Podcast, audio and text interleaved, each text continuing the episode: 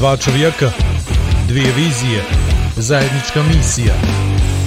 Igor i Vlado predstavljaju Igora i Vlada. Pri upotrebe detaljno proučiti upustvo, indikacijama, mjerama oprezi i neželjenim reakcijama na podcast, posavitujte se sa ljekarom ili farmaceutom.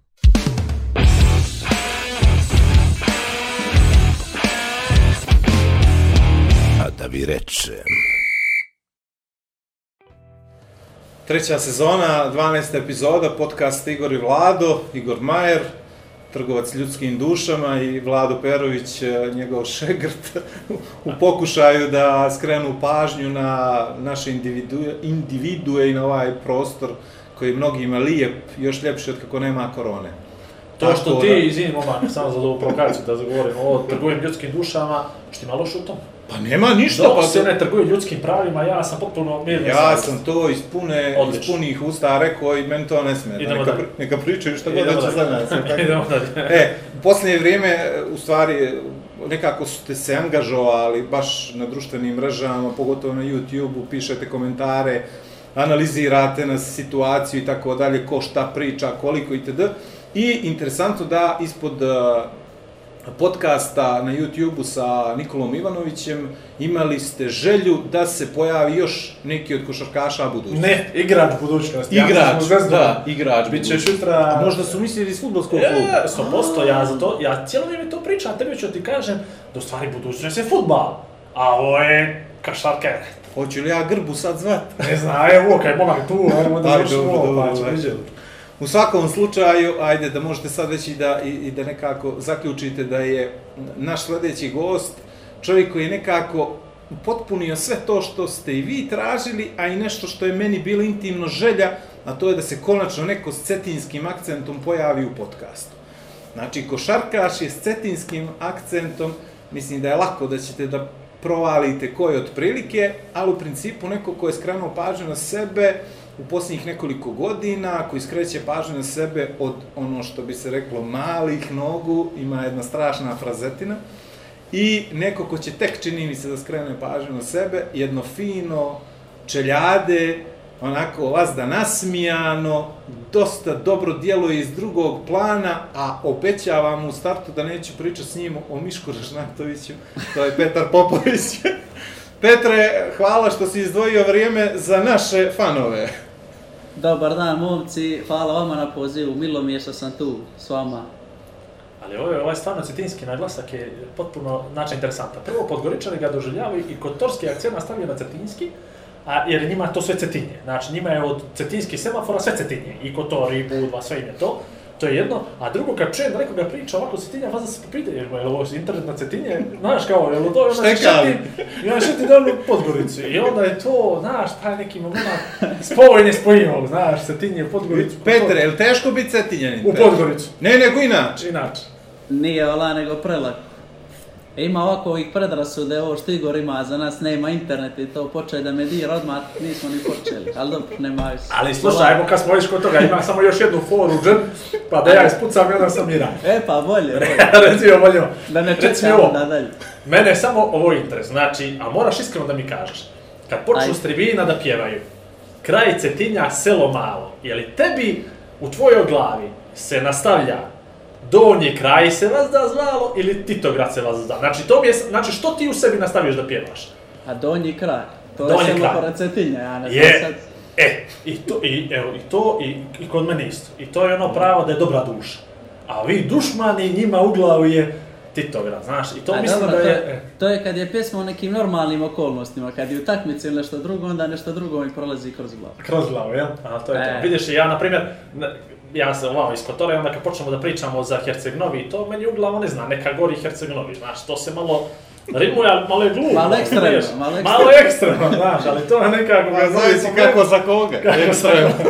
Ekstremno je sve. Eto tako, ja to što se ima za Cetinje i da sam priča. I za. Lipe je ostalo još, ali to ćemo poslije. Ovaj, uh, Cetinje, uh, kažu uh, duhovit narod, poseban narod, uh, na svoju ruku narod. Kako se ti osjećaš kao Cetinjen? Pa ne znam, ja mislim da ima dosta tih specifičnosti u Ceti, na Cetinju i mislim da ta duhovitost nije samo taj humor i sve to, mislim da je to i neki pozitivan duh koji može da se prepozna gdje god se, da kažemo, cetinjanin pojavi. Ja imam dosta drugova na cetinje i svakog koga znam ima nešto specifično i mislim da, da se više po tome prepoznaju cetinjani. Naravno, uz to je došlo i sve onaj, ajde da kažemo, taj popularni cetinski humor i sve to. A ja se sjećam odlično i prijamiš sam cetinjani. Volim Jesi li, to. jesi li jedva čekao da odeš Cetinje kad si odlazio, a morao si rano da odeš, jel tako? Ili ti je bila frka, nostalgija i tako dalje i tome slično? S obzirom Pa, da si bio talentovan, jel? Pa, ja sam sa te košarkaške strane, iskreno da budem, jedva čekao da pođem. Ali, čini sam pošao, falilo mi je cetinje i to, a sad sam već eto navikao da sam od, odvojen od kuće i eto, pro, pokušavam koliko god da pođem tamo da iskoristim to najbolje moguće, da, da se raželim što je prije moguće. Uh, pretpostavljam da nisi ljevoruk, jel da si dešnjak. Jesam, jesam. A, da si ljevoruk, bili igra rukomet na cetinju. Pa, ne, mislim da ne bih. Mislim Ja da bi koliko znam, vidi, ja, ja se bavio ranije rukometom i vas da je bila priča ko nosi kese iz prodavnice u lijevu ruku na cetinje, uzmu ga za ruku i povedu ga da igra rukomet. Ili Je to, li- ili ga, ili ga do 10. 15. godine pravi dešnjak. Jer mislim da nešto fali, onda mora da bude dešnjak. E, Ja, znači, ja znam par slučajeva koji su ljevaci, ono, rodili se ljevaci, onda dok su krenuli u školu, sve živo su promijenili. da postanu Evo nas dvojica. dešnjaci. Sad znaš još Znači, nije samo na cetinje, ja sam mislio da to kod nas samo. Nije, nije. Meni je majka učiteljica bila i ona je znala kakvih problema imaju ljevaci, znaš, stalno je neko gurkanje itd. itd. Preko slova, To je, preko slova. e, i zbog krasnopisa mi je prebačila olovku u desnu ruku i sve mi je poremetila, meni je univerzum čitav pobrka zbog toga naopačke. Ja, on i dalje gleda prvo desno na ulicu kad prelazi onaj lijevo. Ali, okej, nećemo, nećemo. Uh, Petre, kad si, kad si otišao s Cetinje i kako je to, kako je bila ta prva avantura kad shvatiš da si drugačiji, bolji od, od, od ostalih, kad si prepoznao? Pita se kako je prvi put kad si vidio Podgoricu. A, djevojku, to je mislim. Ja sam preskočio Podgoricu, ja sam pošao iz Cetinja sa, sa nepunih 18 godina. Možda mjesec dana prije 18. rođendana i preskočio sam što kaže Igor Podgoricu i pošao sam direkt za Grčku, na more. Zbog čega Grčka? Pa u tom trenutku, kao što sam malo prije rekao, uh, što se tiče košarke u Lovćem, baš je bilo loše stanje. Uh, I tr, taj trener koji je bio godinama i te godine je pošao i par, par igrača koji su bili tu već godinama i bukvalno se do, eto, dok sam ja pošao neđe sredina avgusta, kraj avgusta, nije znalo ni će li postojati klub, ni će li se igrat liga i u tom trenutku u budućnost Znači, neđe je postojala neka priča da dođem i, i u budućnost, ali tada nije, koliko znam, mladim igračima se baš slabo davala šansa. Ja sjećam da sam pratio te godine situaciju sa Nikolom Ivanovićem, da on i te godine je slabo igrao i godinu poslije toga i tek je dvije godine poslije mog odlaska pošao, pošao u Megu, tako da nešto nisam, nisam osjećao ni- ništa pozitivno sa tim da, da dođem u budućnost u tom trenutku. A eto da kažem, jedina opcija druga koja je bila je ta Grčka i od nekih ljudi iz košarke sam imao dosta pozitivnih stvari vezanih za tu ligu i za tu sredinu, tako da na osnovu svega toga sam se odlučio da, da, da odem tamo. A to je praktično 18 godina. A šta se dešavalo do 18. godine? Kad su prepoznali ljudi tvoj talent? Drugačije sa visokim košarkašima, on je 2.10, ajde da vidimo itd. itd. Po čemu si se ti razlikovao pa da kaže neko, e, ovaj mali će da bude nešto? Pa ne znam, ja mislim da je kod mene dosta radio taj neki inat po kojem smo poznati svi. Ja sam baš od, od malena volio da, da dobijem što god se dešava i što god se igra, volio sam da dobijem i mislim da sam kroz treninge nekako sa tim starijim dječacima nekako još više povećao tu želju, bukvalno sam sve radio da, da pobijedim i da budem bolji od njih. I mislim da sam nekako tako kad sam došao u rang sa svojim godištem, nekako sam iskočio nekom spremnošću i mislim prije svega da, da sam u te godine dosta bio radan u odnosu na, na, na moje na, na dječake koji su trenirali sa mnom, mislim da sam bio dosta radan. Ne znam, mislim da sam to nekako bukvalno nesvjesno u te godine ne mogu, nisam mogao da razmišljam ja sad skroz jasno što znači rad, kako treba da se radi. Ja sam više ono što više sati da sam na koš, što više da šutiram, što više da driblam i et, da tako sam nekako iskočio u jednom periodu sa 15 godina, sam odskočio od svoje generacije i tada sam počeo da upadam u oči prvo trenerima Lovćena, onda i te kadetske reprezentacije, onda je sve ostalo dalje krenulo svojim tokom. Grčka, pravoslavlje, znao si jezik, pretpostavljam, perfektno. Kako si se uklopio, s obzirom da je Grčka ovaj, druga liga, interesantno, baš jako. Prati Pa se ne znam, ne znam, ja sam, kao, sve to mi je nešto bilo novo, ali sam se radovao tom novom izazovu. I onda sam dosta sa nekim pozitivnim stavom pošao tamo i bukvalno mi je sve lako padalo. Svaki trening i to što niko od njih ne priča engleski, kroz grad, ni ništa, sve mi je to lako bilo. Meni je samo bitno bilo da ja pođem na trening, da treniram i da... Imam neke- cetinje, reci svoje. I da preskočim Podgoricu. Tu se ne zna između te dvije šta je bilo važnije. jel? Da. I Ja imam informaciju da si lećeo iz Dubrovnika, samo da ne bi išao iz Podgorice, jel to isto? Pa jes, jes, odmah na drugu stranu. Što dalje od Podgorice, skoro des. Ovaj, ka, kakva je ta Grčka za tebe bila? Je li, aj sad, teško je, svaki film je drugačiji, individualan, drugačije su okolnosti, klubovi, e, stanje uma, fizičke predispozicije, ali mladom momku sa 18 godina dode u drugu državu da zarađuje svoje pare i da pokaže svoj talenat, je li teško? Je, jesi imao s kim se družiš? Pa, bilo je teško. Mislim, meni su i pričali prije toga da je taj prelaz iz juniorskih tih selekcija u seniorske najteži. Najteži, bukvalno u čitavoj karijeri, da je taj prelaz za, eto, za nas da kažemo, koji smo osrednje talentovani, osrednje kvalitetni, baš težak. Uh, ja sam tamo imao dva saigrača iz Srbije, jedan od njih je već godinama bio u Grčkoj i sa njim sam provodio dosta vremena. Ali sve u svemu bilo mi je dosta teško, jer sam, tada sam se sreo, mislim, dosta stvari sam naučio tamo, imao sam 4-5 baš iskusnih Grka u, u, u ekipu i ja sam I tada... svi su znali karte da igraju, jel? E, bukvalno sam bio u čudu što oni rade, ono, bukvalno da im sve smeta. Ja sam sad došao tu, odmah ja bukvalno nisam prijetnja tu nikome. Najmlađi sam, došao sam da se dokažem, ali njima sve smeta. Oni su osjetili da oni su, završavaju karijeru, na nekom izdisaju su, ja sam sad tu mlad, odmah im ja smetam. Ja treba sad da kupim lopte, da donesem vodu, da odem put se, ja sam osjetio da se stvorilo nešto novo. Osjetio sam da nekome smetam, bez, bez ikakvog razloga. Naravno, ništa ovo nisam radio, ni donosio lopte, ni vodi, to, oni su htjeli to od mene. Ali mislim da sam tamo baš naučio te dvije godine, e, ja sam pošao tamo s tim da imam 12 saigrača koji su mi najbolji drugovi. Tako je bilo kod mene na Cetini.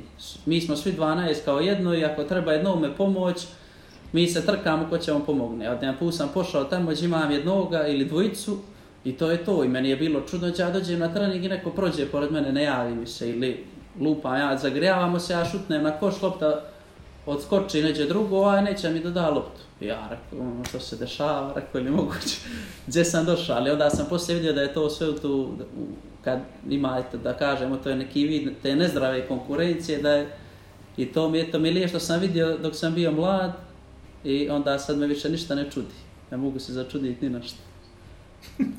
A, kad kažeš da si igrao na Cetinje i to, da ste bili kao drugovi, mislim, pretpostavljam vas 12, to su otprilike 3 ili 4 prezimena bila na, na, na Cetinje. Kako su vas raspoznavali? Kako?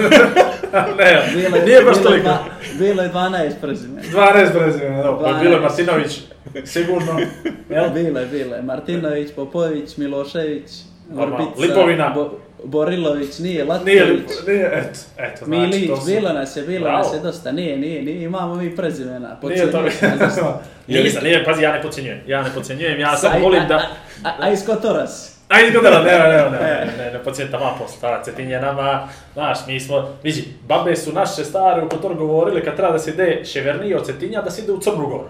Znaš, to je tamo, po Titograd i to, to je Crna Gora, ovo je bila Boka i Cetinja, nekako to tu bilo vas, ajde, Pripada, ajde, tu i tamo, vi ste pripadali. I odozgo, mislim, nagnete se malo na prste, vidite more, realno. Ovaj, tako da nije, nije, Cetinjani su vas zabili na, na taj neki svoj o- osoben način svima nama uh, mili.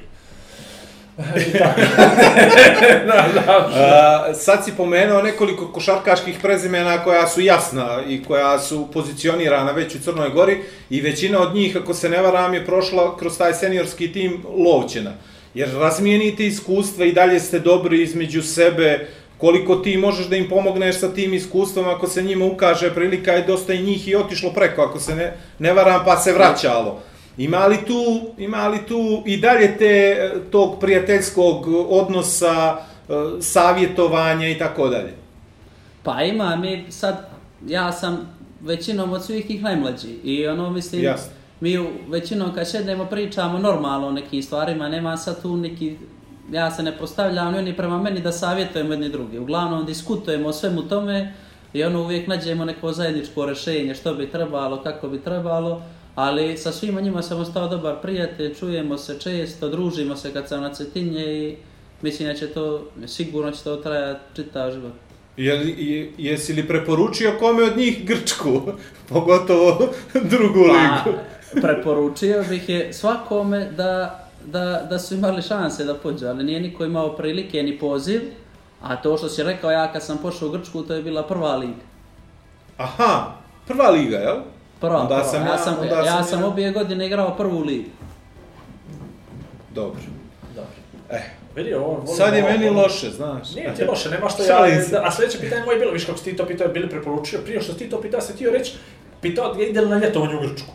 Ima li želju svim tim? Po, vidi, na stranu sve, ja volim Grčku, ja idem privatno, poslovni neki razlozi, ne zadržavam se on dvije godine, ostanem 7 dana, 10 dana, ima svoje specifičnosti, njihovo, njihovo ne, ne, ne, i klimaju glavom je meni, znaš, samo po sebi, ovaj, Zbunjujuće. Zbunjujuće, ja, njima je ne, da, e, a, jo, po, i ne, ne, dobro. nije jo, po, to je malo još bliže nama.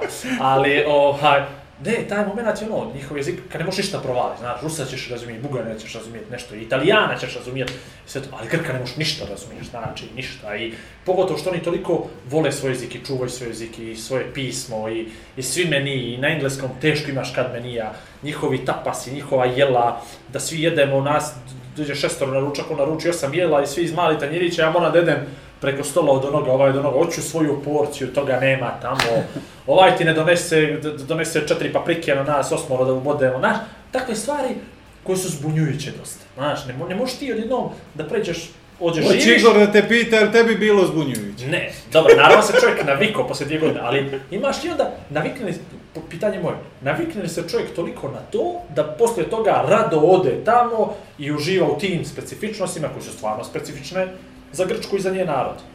Pa ja kad sam pošao nisam išao tamo nazad, ali ne, ne iz dobro, tih nije, pa dobro, razloga. pa. Ne, ne iz tih razloga, ali nisam imao ni vremena puno ljeti, a, a pošao bih. Nije sam, ta, nisam stekao takav utisak kao ti, ono, Da. ne znam, ja se nisam mnogo ni krećao uh, vani, ali meni su ostala, mene je Grčka ostala kao jedna lijepa zemlja, puno sunca, meni je to bilo super. Posle da, Cetinja. Bukvalno jaknu nisam nosio, džile, ništa, Da, da, da. samo duks jedan i to i meni je to bilo super. A ti, ti stvari ima, ono, sad malo kad razmislim, bukvalno je tako, gdje god pođemo, sve se donese u sto nekih malih tanjira, svi jedemo iz istih. I to jest malo čudno, ali meni to nije toliko smetalo. isto. A dobro, nije, kaže samo drugačije, to, to je to, i kad lj- ljudi Jest. se jednostavno neka, se, Normalno. neka se naviku. Treninzi, dva puta dnevno, pretpostavljam, jel, cijeli život, Jest. pauza ljeti, ako nije reprezentacija, ako je reprezentacija, onda nema pauze ljeti, dvije Nema neđelje, pauze ljeti. dvije Nema neđelje, pauze. ne, dvije neđelje ako dobiješ, neđelju ako dobiješ, moraš i tu neđelju da vodiš računa, ne smiješ baš ovaj, da se izneveruješ od alkohola i tako nekih stvari.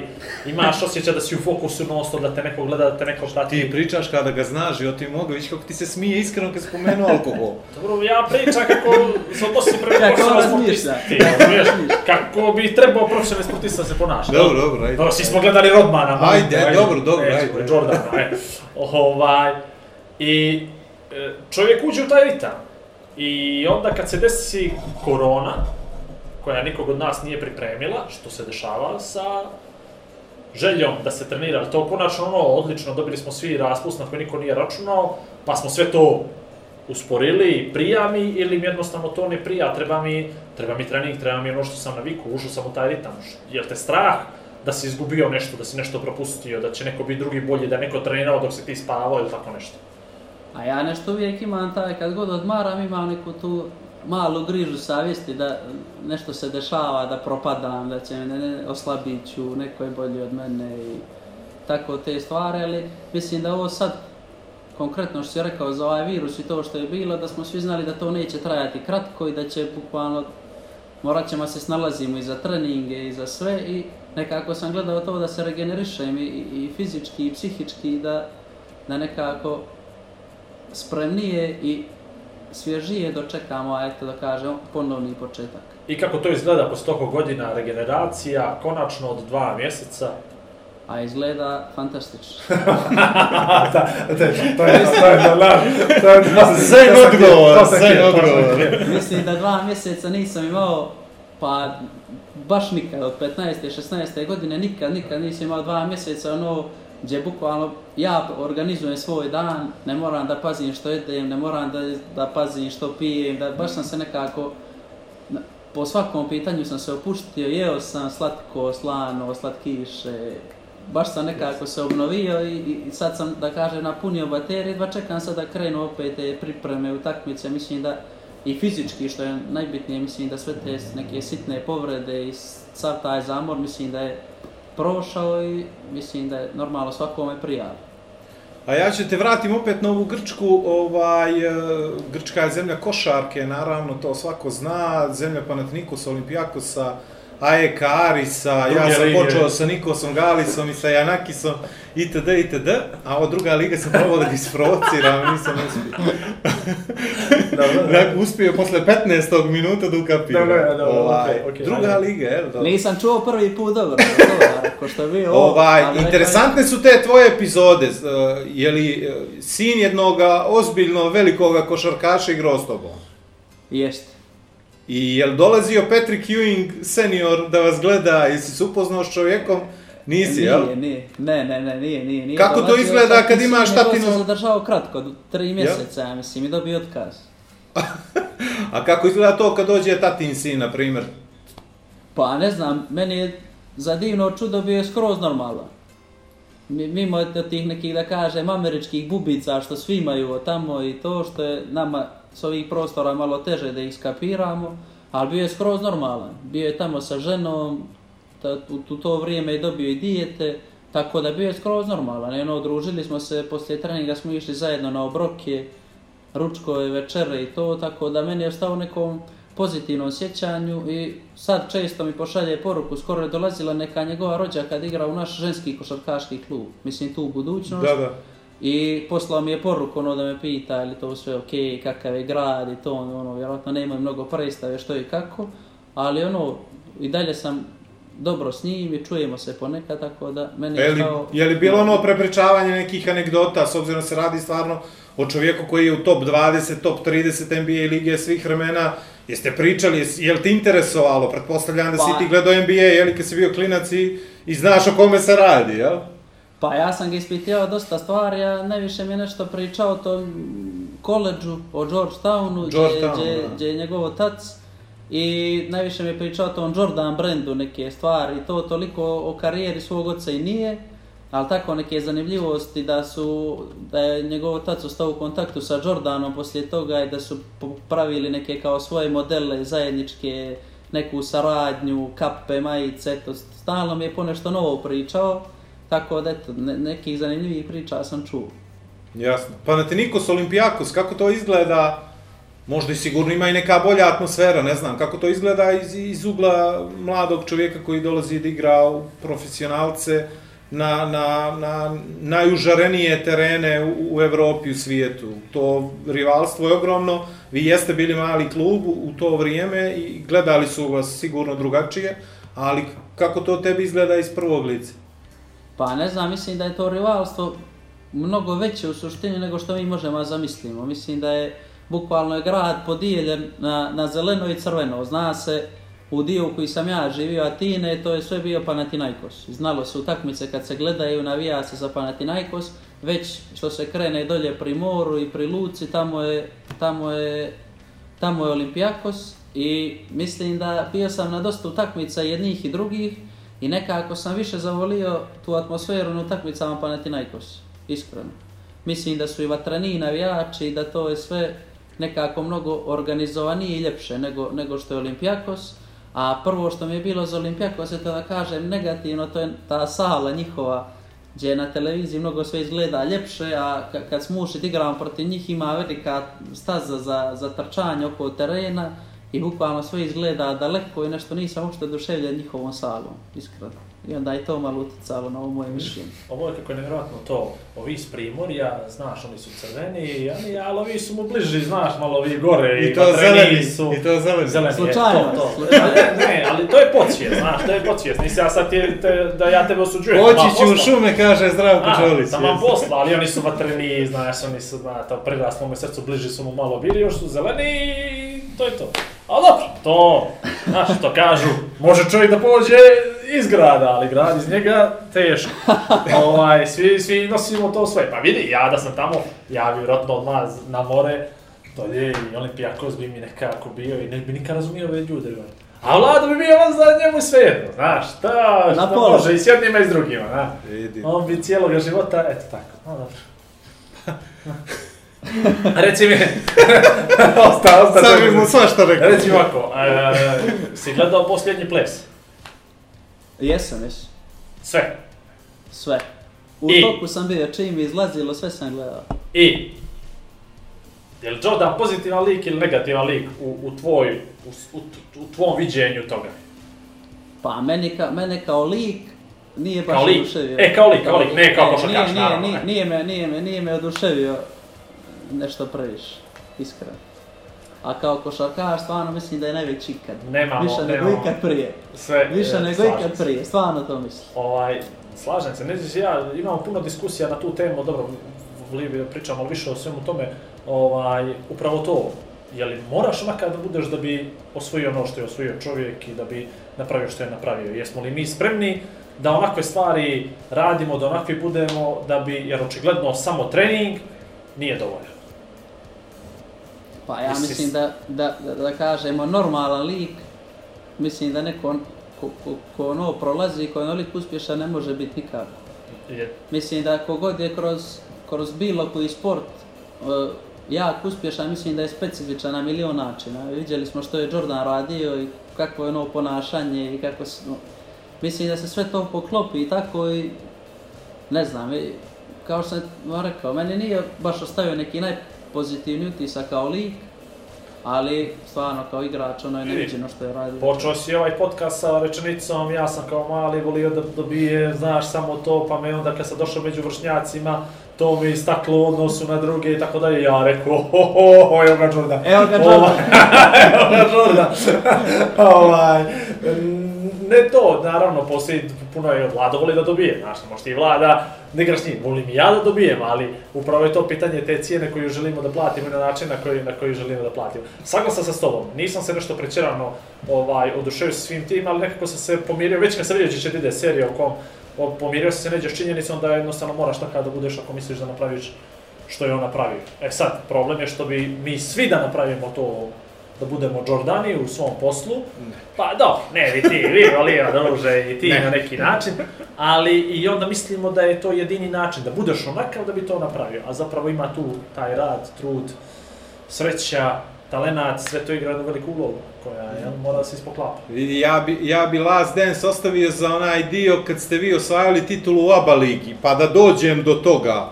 Iz Grčke u Megu, kad ukucaš na Google Petar Popović, treća ili četvrta je prešao iz Grčke sa nekim statistikama 1,6, 0,6, 0,9. Jel te ono, mene je vrijeđalo, znaš, ono, htio sam da poludim. U principu, zašto stavijaš to ako znaš da nije reprezentativno? A vjerujem je da je baš teško, ali... Pogotovo za mlade očeljade, jel? U toku sezone, dva, tri mjeseca, četiri, pet, nebitno, ja razmišljam o tome i gledam ono, i uvijek razmišljam o tome, što ako neđe izađe, ako ovo piše, reo, sramota, reko. To bi ima neko ispred zgrade što igra sa mnom, ali poslije toga vidim da dosta tih stvari nije u mojoj moći, da ono, desi se utakmica gdje ja uđem, igram minut, pa sljedeći uđem 11, pa 2, ja sam svjesan da tamo piše 4 poslije tri utakmice. Iako sam ja možda tu jedno odigrao dobro, dvije nisam imao vremena, Ali eto, pokušavam da se utješim, ali nije, nije, nije lijepo ni malo. Kako je, Moram kakav je taj osjećaj kad znaš da imaš dva minuta od trenera? Kad, kad možda znaš da ne možeš ni da promijeniš situaciju? Kad ti neko A- da tako neku šansu na, na kašičicu, a, a, a svjestan si da u ta 2, 3, 4, 10 minuta ne možeš da napraviš neki uticaj na, na igru? A loš, mislim, bez veze, to se vremenom tako napravi da potpuno uloga igrača se izgubi u, u timu i nekad je kad imaš neku ulogu i kad znaš da za ta 2-3 minuta možeš da napraviš nešto da će lopta biti kod tebe, nekad ti to bude dosta da se, da kažemo, izigraš, bar malo nešto napraviš. A kad znaš da uđeš kao 10-11 igrač gdje su četiri ajde da kažemo, gladni igrača pored tebe, znaš da će to biti 2-3 minuta, bukvalno, gore, dolje, gore, dolje, gore, dolje. Sirene, cross, glad, bez lopte, I to je da. to do kraja. Tako I onda je bez veze, i onda je bez veze, ali ljudi smo, naviknemo se na sve što, mislim, Onda si jedno da dočekao traje. da odeš u Megu, je li tako? a i bukvalno jedva, pogotovo te godine, znamo što je Mega napravila i mene je iskreno iznenadio taj poziv od, od Miška i ja sam ga prihvatio brzinski, jedva sam čekao da se to završi. Kako je, ajmo poziv, Dobro da, stani. Kako je izgledao razgovor s Miškom? Srećan rođendan, ja. Sreća rođena Petru da neće u Megu. Oli u Megu, očaj. A može li to malo bolje? Ne. Ne. Nije realno, realno. ćemo, ne brinite i ništa, nije realno. Dobro, dobro, dobro. Nije stvarno, ja sam tada, uh, ne, ne, mislim da je prvi playmaker naše ekipe u Grčku se povrijedio igrali smo protiv Olimpijakosa u, u njihovoj dvorani, ja sam tu utakmicu bio starter. Igrao sam možda nekih 14-15 minuta, e sad ja ne znam je li to gledao Miško ili Miloje ili neko od njih, I bukvalno ja sam poslije te utakmice došao kući i već sam imao poruku od Miška kao pozovi me kad, kad, kad stigneš i to.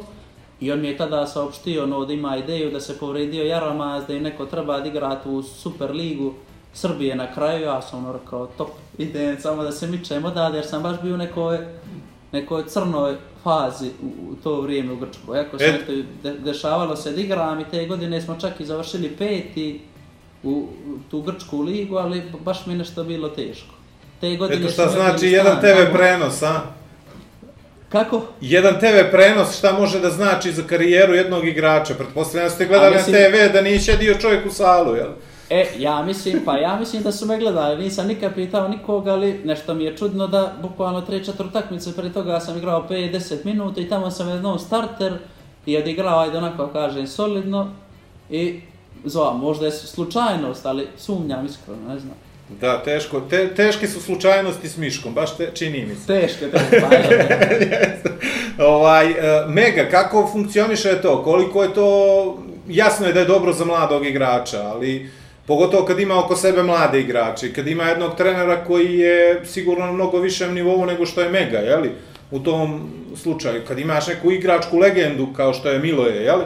Koji je prošao sve to. Kako tebi to izgledalo iznutra? Koliko ti to napuni, da, i- da ti samopouzdanje, osjećaš se bitnim, važnim i tako dalje? Pa, mislim da je, pored svega toga što si rekao, da je ta atmosfera možda i najbitnija. Mislim da je, uh, mi smo pred svaki trening se igra kao zagrijavanje, igramo između dvije vatre. Uh, vatamo se po terenu, krijemo se od leđenog za leđenog i tako ne, nešto da, da smo svi opušteni, svi se smijemo, jedno, dva, tri put nedeljno se igra ujutro basket.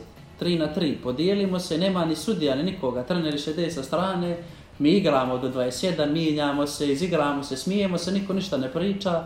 I bukvalno je bila atmosfera prava dječja, ono, a na- kontra svega toga bila je velika ozbiljnost na treninzima, kad, kad, si, kad se radi, radi se, kad se igra, igramo se svi zajedno, ali mislim da je to baš pomoglo i meni i svima nama da nekako jedva čekamo sljedeći trening. Bukvalno, i bila je toliko zdrava konkurencija da kad se igra 5 na 5, da je tu bukvalno pucalo na sve strane, da je tu bilo kontakta dosta, jako smo mi bili mladi, da je baš se igralo jako i završi se trening i tu je smijeh. Nebitno je li neko udario nekoga na trening, ili li, smo li se pogurali, posvađali, rekli jedan drugom nešto što ne treba, ali uglavnom mislim da je to baš, meni, meni je bilo, što sam rekao poslije Grčke, gdje sam imao jednoga čovjeka s kojim mogu da šednem, popijem kafu, popričam, ovamo od jedan put opet čitava ekipa, djeca, mladi, svi se družimo trener pozitivan, stav pozitivan, tako. Meni je to stvarno bilo jedno iznenađenje i baš sam uživao u, u, u radu tamo. Sad će Igor da preuzme podcast kad ja pomenem sljedeće pitanje. Je li istina si tad počeo po igravnicama da ideš ili ranije? Jesu to gamerske slušalice? Jesu, jesu, ovo su za Sony. Aha, dobro, okej, nastavi. Evo, čuo sam da postoji ta strast ovaj, za, za igranjem igrica i da si bio u tom periodu jako dobar sa Zagorcem. Ne znam koliko istina. Je li istina stvarno si išli u igravnice da igrate ili ono, je to neko Istina bačio je. samo ispred mene? Nije, nije, istina je, istina je. Igrali smo, išli smo na counter, igrali smo, pa dešavalo nam se da pođemo tipa u Niš i da igramo utakmicu tamo i vratimo se u jedan uveče i dva i direktno iz autobusa idemo u igrovnicu, igramo 4 na 4 ili 5 na 5, igramo par sati, idemo. Bukvalno kad god smo imali vremena, dijelili smo se, u- to i kažem, bila je takva, takva atmosfera da smo bukvalno u minut mogli da se organizujemo. Hoćemo li noćas, hoćemo, hoćemo i svi smo tu. Ima nas 10, 8 i, i bucamo. Dobro, osim Kantera, što jesi još igrao? što igraš sad? To me najviše interesuje. Pa zadnje što sam igrao, igrao sam Call of Duty. Novi. Warzone, Modern Warzone, Warfare, na koji si level, brale? Ne znam, ne znam. A nemoj mi ne znam. Sinoć sam, sinoć sam do 4 na Warzone. Znači, moram da stignem do 155. levela, kako Rekao znam ja, umije sad će preuzeti. još ovih 8 dana. Boostovao sam M4A1 na 70. level. E, Otvorio sam sve perkove i sad ti fino radim i ovaj, otvaram ti skinove. I mogu da ti rečem da me igra rasturila totalno. Pošto sam prešao sa. Fortnite-a zbog djece, morao sam Fortnite da igram. Pa sam prešao na ovo i onda djeca kad zaspu ja upalim ono, što bi mu rekla djeca Color Duty. Ovaj, i, I tako da, znači igra, pa dobro, vidiš, mogli bi malo da se povežemo, ima tu par ozbiljnih, par ozbiljnih ljudi, u ozbiljnim godinama iz Podgorice koji igraju ovaj, ima, ima, pa i od nas dosta igra, ja sam eto da kažem, na, najmanje, najređe to igram od, od svih njih, ali Johnny, Ilke, oni igraju, ja mislim, svaki dan, po nekoliko sati. Ja ono preskočim, ono mislim da sad sigurno mjesec dana nisam igrao uopšte, ali kad je izašla igrica, igrali smo ono zajedno. Prije toga je sve to počelo, igrali smo Battlefield, jedinicu. aha, jedinicu, bravo. I e, e, igrali smo i to nam je bilo prvo ono što smo počeli da igramo online i to nam je bilo isto žurka, ono igramo zajedno, ukonektujemo se, slušalice, svjetla se pogase i igramo dok, dok se ne umorimo. Da se, dobro, to je- Vidi, kad si pomenuo Battlefield, da nisi slušao od Pera Deformera Battlefield pjesmu. Ne, Ne? Ukucaj Pero Deformero Battlefield, znači kad završimo podcast, panućeš na dupe. Ja jedva Ovaj. čekam da to. To je znači potpuni ovaj potpuni spektakl. Reci mi, uh, odigrate utakmicu, dođete, radi li to adrenalin pa moraš nešto da radiš? Ili jednostavno to ti je neko zadovoljstvo, uživanje, relaks? Evo ja ću bez obzira što su bez obzira što su sitni sati, ti si sportista i moraš da, da, da odvojiš neko vrijeme za san i tako dalje. Šta je u stvari to što te gura da, da igraš igrice? pa mislim da je najviše uživanje, zato što znamo kad pođemo da igramo će tu da bude Obično Johnny je tu u glavnoj ulozi, počne da dira nekoga, tu smijeha ne fali, smijemo se do 4-5 ujutro i obično je dan poslije utakmice slobodan dan. Jasno. I znamo da može popodne da se odspava dva, tri i znamo da to neće mnogo uticati na nas u, kad dođe taj ponedeljak recimo, da je to, to nedelja slobodna. Tako da mislim da je najviše to nešto, ta atmosfera koju nikako nismo mogli da se zasitimo, išli smo da se smijemo tamo, da igramo, bukvalno izigramo se nekoliko sata, smijeha ne fali, izliječimo se od, od, od stresa sa utakmice i to, i To na ovo kao mi s podcastom. To ti je to, to ti je to, to ti je to. Samo što ja mene malo to, pa ja nastavim još ovaj pretpostavljam. Znači, ti si PlayStation igrač ili PC? PlayStation, PlayStation, PlayStation. nisam PC. Dobro, dobro, okej, da, nije to baš igrač, da, okej, ajde, nećem sad te... Ne uklapaš mu se Ne, protiv. ma, ali dobro, ja poštujem, po, ja poštujem, znaš. da. Vi- Kako si došao? Teže je na PlayStation nego na PC. Poštujem, poštujem, ja poštujem. Teže je dosta. okej. Interesantno mi je... realni. Interesantno, Budemo realni. interesantno mi je, Petra, kako svi sportisti igraju ne sportske igre. Jel to je, se zasitiš pa ne interesuje te košarka, futbal i tako dalje, ili, Ili nema smisla. ili kad- nema smisla pošto volite taj multiplayer mod.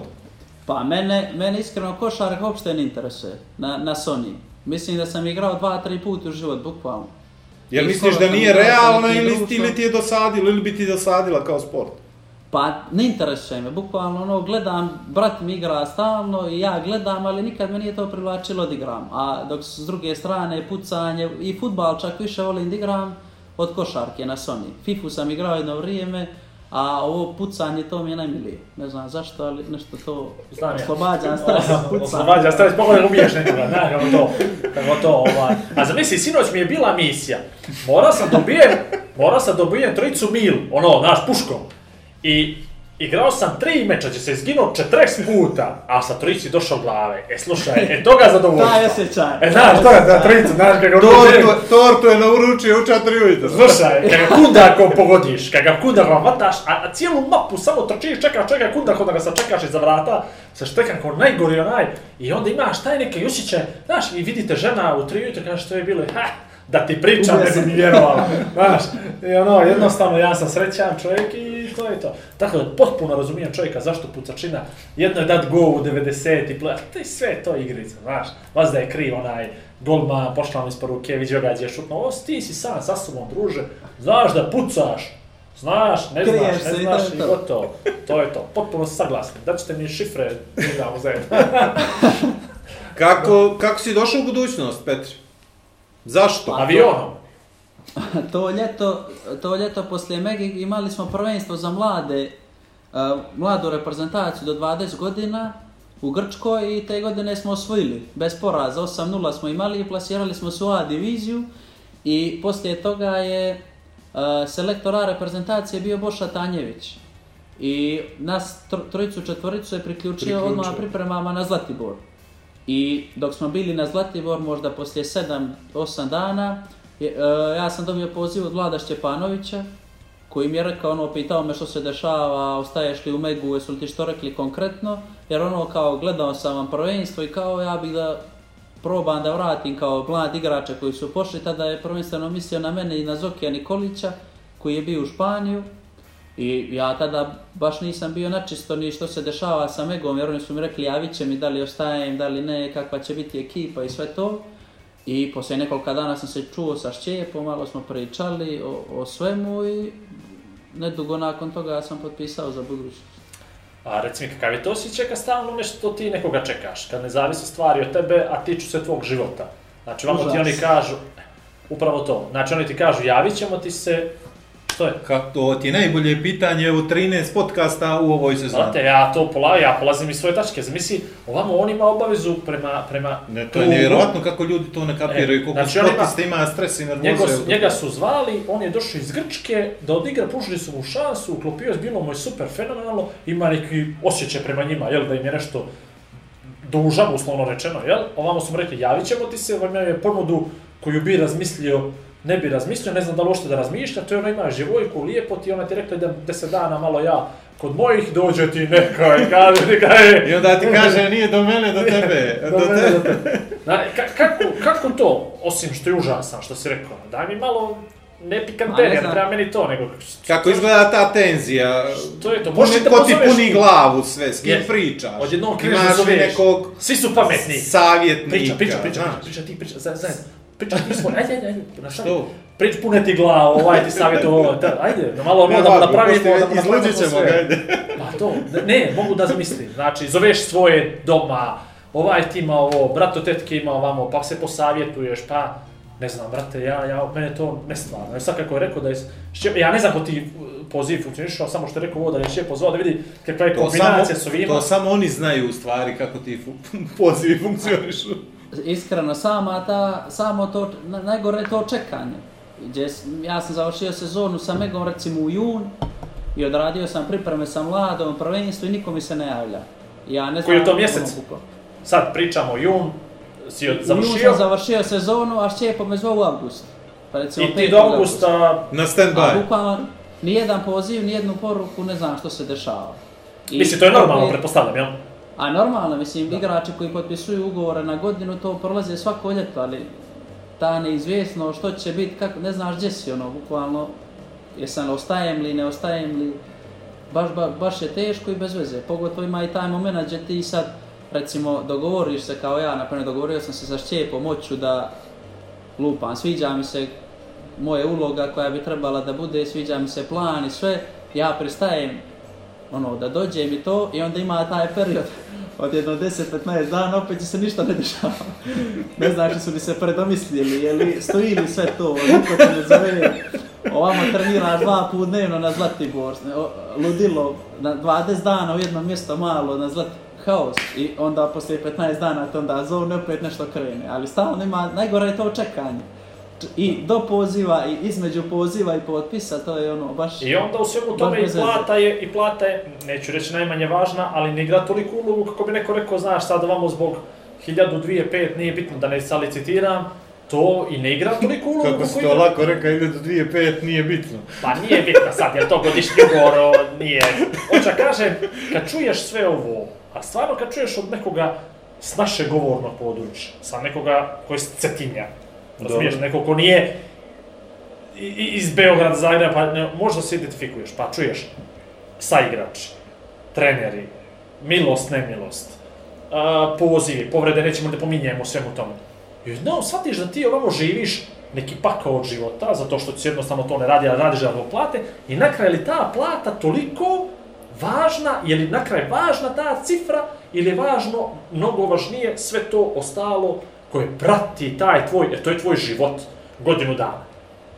Makar Pa godinu. ne znam, mislim da kad se sve sabere i oduzme i kad se stavi ono da se izmjeri, mislim da je mnogo važnije sve, sve ostalo nego plate. Mislim da se ne shvatimo i plate bitna Da, i svi mi da. oko toga posvećujemo pažnju tome, ali mislim da koliko god imali platu, svjesni smo, srećemo se sa, sa situacijama gdje igrači koji igraju za mnogo veće pare od svih nas tu i svi bi mi rekli da smo na njihovo mjesto, ne znam što ne sedi tamo, prima dobru platu, što ga stalo kao tamo je, svejedno mu je poće za godinu, dvije, ali to je baš teško, psiha, psiha ljudska je, ono, počneš da si labilan, sve ti smeta, nerviraš se puno, vidiš da, da ti dosta stvari šteti. I mislim da je koliko je, da je čak i bitnije od plate, da je udobno na tom mjestu gdje- gdje jesi i, i da ti sve odgovara i da ti prija, a ta plata na kraju dođe kao posljedica svega i mislim da svako bi mijenjao taj osjećaj da mu je lijepo i, čak za nižu platu, sad ne znam koliko, i upola, Ko- sigurno. Jasno. Koliko je realno, evo mogu sad Mišku, koliko je realno da čovjek ima a, a, i u našem, od, sad pričamo o nekom Balkanu, eto to, i tu dobru platu i to dobro mjesto i da je zadovoljan i sa životom i sa porodicom, sa svim tim, jesu li ti ljudi na onoma prstima jedne ruke ili je malo šira slika ili je jednostavno ako imaš sve to ostalo ne možda imaš i ovo ili je to rezervisane te dobre plate samo za Ili neke... čekaš neke godine da se poklopi. U- To, upravo to je bilo sljedeće pitanje. Ili moraš da dođeš sa strane, jer zna se da makar mi ovdje crnogorci, jer više vrednujemo ljude sa strane, koji će dođu i da ne pruže sve to što bi mi jeli kao voljeli, ali za tu, za tu veću platu. Koliko je realno da neko naš odavde i crnogorac bude ostvaren na svakom polju. Da bu, koliko je realno da ima i dobru platu, i dobro, dobro I da mu je minutažu, lijepo. i da mu je lijepo. Pa ne znam, mislim da teže nego neko ko dođe sa strane, iskreno mislim tako. Zato što svjesni smo što se dešava i ja mislim da nekako, ne mogu reći ne cijene se naši igrači to, ali nekako ima se taj stav kao da ono, tu smo i nemamo gdje drugo. To je Tako se gleda, tako se gleda, mislim, da, ne budem svaćen pogrešno, ali otprilike je tako. Potpuno si, potpuno nije, ovo se ne tiče samo sporta, ovo se tiče života i biznisa i svega. E, životu. bukvalno svega, Znači, zato to što je to, svjesni smo i, i sporta i svega dođe neko sa strane koji recimo Lupiću sad ima iza sebe tri otkaza ili ima tri loša posla neđe drugo i dođe kod nas i cijenjenije i poštovaniji i na kraju svega toga i plaćeniji od nas tu koji smo godinama i koji svako zna, ali to je valjda normalno i mislim, mislim ne znam ili normalno, ali navikli Da. smo da je to tako ovdje. Kroz budućnost si prošao nekoliko faza, pominjao si ulogu, neko ti je nešto rekao da, da ćeš imati tu neku ulogu u timu ovaj, specifičnu, pa se to promijenilo, pa si dobio veći zalogaj, pa si bio bitniji, jel tako, u svemu. I klub je napredovao na više nivoa, na kraju ste osvojili titulu. Pa se onda desila sljedeća sezona gdje opet si bio sa strane. Koliko to utiče da i ti mentalno sazriš sa jedne strane, ali dokapiraš da svi nisu ljudi isti i da uloge mogu biti različite. Meni pada baš teško, skoro sam pričao sa, sa društvom, što, je, što se dosta trenera promijenilo kod nas. Uh, iz toga razloga što je to počeće od sebe. Prve godine sam bio tu, došao je Šćep.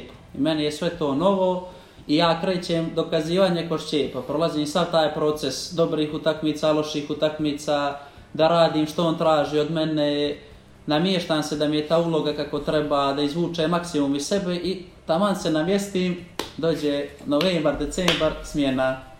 Onda dođe drugi trener koji traži od mene potpuno drugu ulogu i druge stvari da radim. Pa onda ja opet prolazim taj proces mjesec, dva, tri, dok se naviknem sve je novo, to se završi i ono... Kraj sezone novi.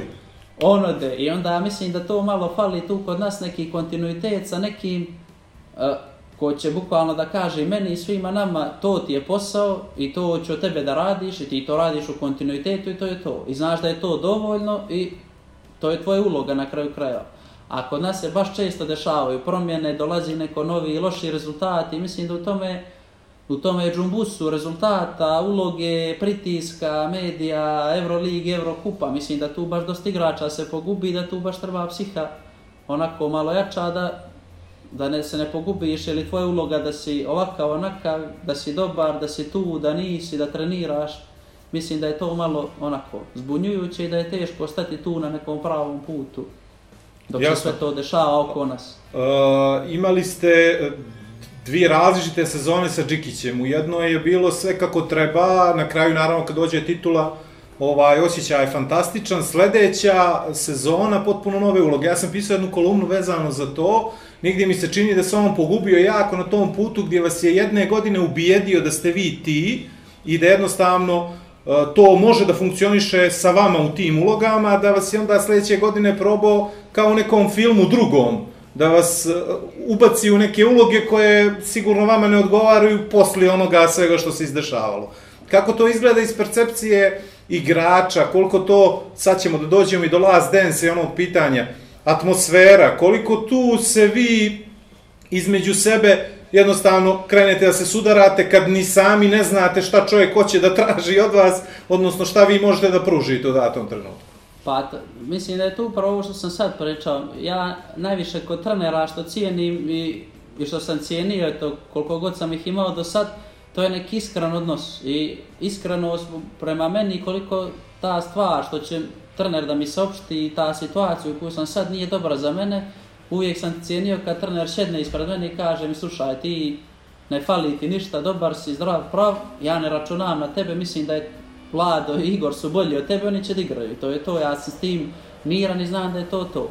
A s druge strane imate situaciju gdje non stop ispada nešto što vi ne radite kako treba. Recimo, danas igraš dobro odbranu. Nisi igrao dobro, za to si igrao 5 minuta. I ti onda od ponedeljka do petka vježbaš odbranu, ideš, trčiš za jednim, drugim, trećim, onda dođe subota, ti igraš odbranu odlično, izađeš opet poslije 4 minuta, on ti kaže, a znaš kako dobro je to, ali nisi skočio u odbranu. Pa, i- onda se to vrti, a tako sa nas 4-5.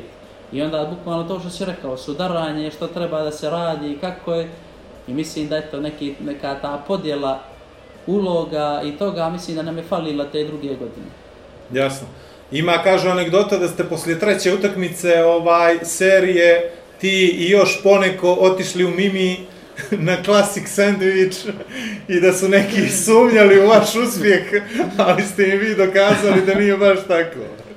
Je li istina? Mi smo, a istina je, nije, mi smo igrali tu utakmicu i nešto smo ostali dugo, du, ostali smo dugo u slačionicu i, i ostali smo da odradimo neke terapije ili nešto. Bukvalno čekali su nas fizioterapeuti i ostali su s nama od 10 do 12. Znači, ne možemo zamjerimo ljudima, a u 12 znamo ne radi ništa u Podgoricu. Mi smo prošli pored Alpe bara, krcato je bilo, nije nam se stajalo i gdje ćemo, tada su bili neki proteinski sendviči u Mimi. I mi smo stali nas trica, uzeli na usput to i pošli kući. To je živa ka- istina. I to nije jedini put, stajali smo često. A kakvi su komentari? Je li, je li istina da su vam dobacivali, da su govorili nema šanse da ovi mogu nešto kad jedu u Mimi i to? Ja ni, nisam ništa čuo. Znam da je bilo dosta ljudi, to a niko nam ništa sigurno nije rekao ono direktno da bi mi čuli nešto. Znači, klasika na priču, svi, svi su komentar. na priče, Ne, ja, Vjerojatno, je. kad smo ušli u ovo, to bilo je ništa doga, šutra. Ništa doga. Eto, A reci mi, aj, aj, aj, Vlado, aj, Vlado. ovo Još za kraj, uh, Džikić, je, Džikić je pomenuo tebe prije par dana kad je radio neki podcast i rekao da je tvoja uloga, na primjer, u seriji protiv Cedevite bila jako bitna, šta si ti radio defanzivno sa Čerijem koliko imaš, koliko je važan taj scouting i koliko može neko da te našpanuje i naštimuje da ti budeš dobar u defanzivi, a to ti je negdje specijalnost, ovaj, koliko je do tebe, koliko je do trenera, koliko je do ljudi koji ti ukazuju na mane rivala i, i, i na neke tvoje kvalitete koji bi ti mogao da iskoristiš protiv nekoga. Pa velika, velika stvar je taj scouting i te, taj video snima koji gledamo od svakog igrača, od svake ekipe, mislim da suština je u, u tome, da mi znamo da sad ja bolje napadam u lijevo, recimo Cherry bolje u desno, bolji dribling i mislim da sve to moramo da imamo u glavu da, da znamo kako ćemo s nekim da se ponašamo. A s druge strane velika stvar je to što je jedan trener koji, koji me trenirao prije pričao da je pola posle, ajde da kažemo, taj neki ponos. Jer bukvalno imamo mi svi to sad da ti stave nekog ispred tebe i da te ta neko prođe pet puta, osjećat ćeš se glupo, ono je. Samo je pitanje da to, tu stvar upalimo na početak utakmice, da zamislimo da je već 5-0 za njega i, i da krenemo s toga. Ali mislim u suštini nije teško, mislim da je baš taj voljni moment da, da igra veliku ulogu. E, pomenuo si psihu koliko je važna u svemu tome, kako se često i treneri na neki, neki se ponašaju adekvatno, neki neadekvatno, e, koliko je vama teško. Da li ima neko s vama da radi na svemu tome ili malte ne sve prepušteno treneru u stručnom štabu, da se oni svojim odnosom prema vama uđu u vašu glavu i da oni vas oblikuju na ta način, jer, jer shvatate da vi imate posljedice, ako imate uopšte posljedice na kraju svih krajeva, jer živite dosta stresan život, ne samo fizički, nego, boga mi, i mentalno i psihički. Da li je to na nekom nivou razađeno da sjedneš s nekim iz kluba koje je stručno lice, koji ima diplomu, jel, svega toga i da te sasluša, da pričaš. Ili nema diplomu ko nas dvojica, pa... Ko nema diplomu, ali ti je lakše poslije toga. Ima li tako neko? Postoji li neko u Pa klubu? ne, uh, kod nas, kod nas nema niko, ali sam čujao sam da u nekim ekipama imaju psihologa koji je zadužen upravo za to što si rekao, da, da šedne s igračima, da priča sa njima, jer sve kad se sabere, baš, mislim da je baš stresno. Mislim da mi koji smo, eto da kažem, ja sam pripadam toj mlađoj generaciji, kad vidim starije igrače i kad vidim na koji način oni razmišljaju, ja često pomislim, ovo je, ono, ovo je previše crno za mene, a 1% mene ne razmišlja tako kao on, a onda shvatim da su oni prošli 4-5 trenera koji su, da kažem, pod znacima navoda ludaci, koji su paranoici, koji gledaju gdje si izaš uveče, gdje si šeo, što si pojeo, i mislim da to sve utiče i bukvalno te godine kad se dođu pri kraju karijere, mislim da baš ono može se osjeti na koji su igrači prošli teže trener i tu neku težu školu.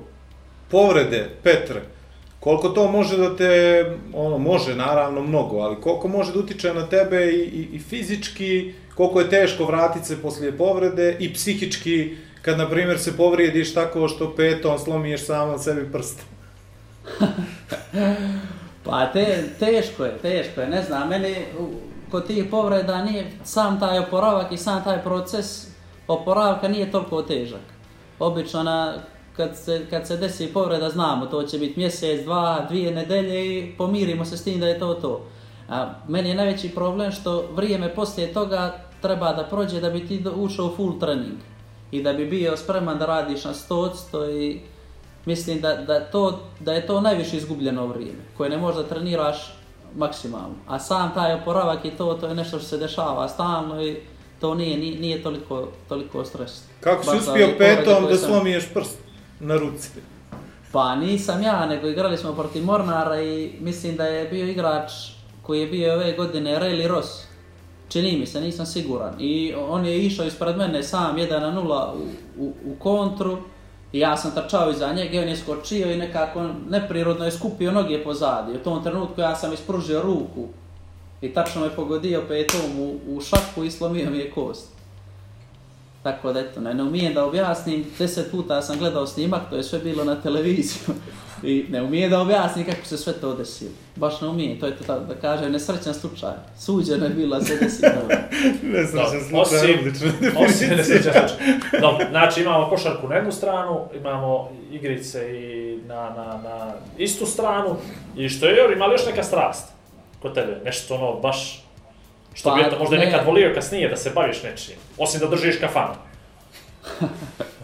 Pa ne bi volio da držim kafan. A restoran, neki lounge bar nešto, neka kafanu, kafanu, Pa, da me pogrešno shvatiš. Ne bih, volio bih neki restoran, iskreno. A restoran, e, to vidiš. A dobro, je li to, pa to, to pitam, je li to spremanje, kuvanje, je li to samo da budeš, eto, da držiš nešto, da imaš neki svoj... Da bude dio, menadžer, Da menadžer budeš menadžer. Znači ono, što Pa- je to? Mora da ima nešto što pali, znaš, što te upali svaki put kad ti neko to pomene, kad razmišljaš, ono, malo srce zaigra. Pa, ja sad nešto nemam i- izdefinisano neko mišljenje čime bih volio da se bavim i što me tačno zanima. Ali Ništa, da- nisam to to ni pitao. Znači, ti me bi Ne, ti ne, volio da se baviš, kažem- no, ono, e. Da, da kažem da sad što god čujem da je nešto dobro, na primjer, ja pokušavam sebe da zamislim kako bi dobro bilo ovo da radim. Da. A sad od, od nekih najmanjih stvari, pa desi mi se, na primjer, pođemo u bioskop da gledamo film i gledamo Avengers ili neke Marvelove filmove ja ono zamislim kao kako bi dobro bilo, znam ovo da radim sa slikom, kao da pravim ove likove, ovo ono. To mi prođe kroz glavu, onda neke najveće gluposti, tako kao to što sam rekao, pođemo neđe timski, jedemo dobro, ja mislim kako je dobro držati takav restoran, ono. Nisu Tako da često to mi prolaze neke ideje Vidi, koje te su ono- dječačke, dječačke koje ja, ja zovem jel, kao naivne stvari, ali to pokreće svijet, to pokreće nas, znaš, i nismo puno različiti po tom pitanju, vjeruj mi, na, ist, ista stvar. Oni koji ne pomisle to, ja imam problem s takvim ljudima, znaš, koji pođu u bioskop i gledaju Avengers i ne, i ne, neće Ne da, da si budu... za ništa? Ne, ne, ne, ne, ja, ja imam problem s takvim ljudima, znaš, generalno. I E, to pa ja ne to bi stalno držao. zamišljam. E, tako da, da, super, ne, vidiš, to su, to su... Radosna li um, rekao sam ti ja. Ne, to, to lijepo je, lijepo je, lijepo je, lijepo. Mladi momak, a, mlado, Živa mlado, živi. Još jedno košarkaško pitanje. Što si promijenio mehaniku šuta? Šta je bilo? Kakva je muka? Pa ne znam, ja mislim da sam te godine prve kod, kod Džikića, a, drugu utakmicu sezone protiv Goke, tamo puk, e, pukla mi je kost u, u ručni zglob desni. Znači, to je razlog, da? Pa nije to glavni razlog. Inicijalno, dobro. Što ja mislim, ali vezano za to što sam ja tada dobio rezultat magnetne rezonance svih snimaka da je meni kost pukla. I ja sam osjećao da mi zglob nije u funkciji ka, normalan.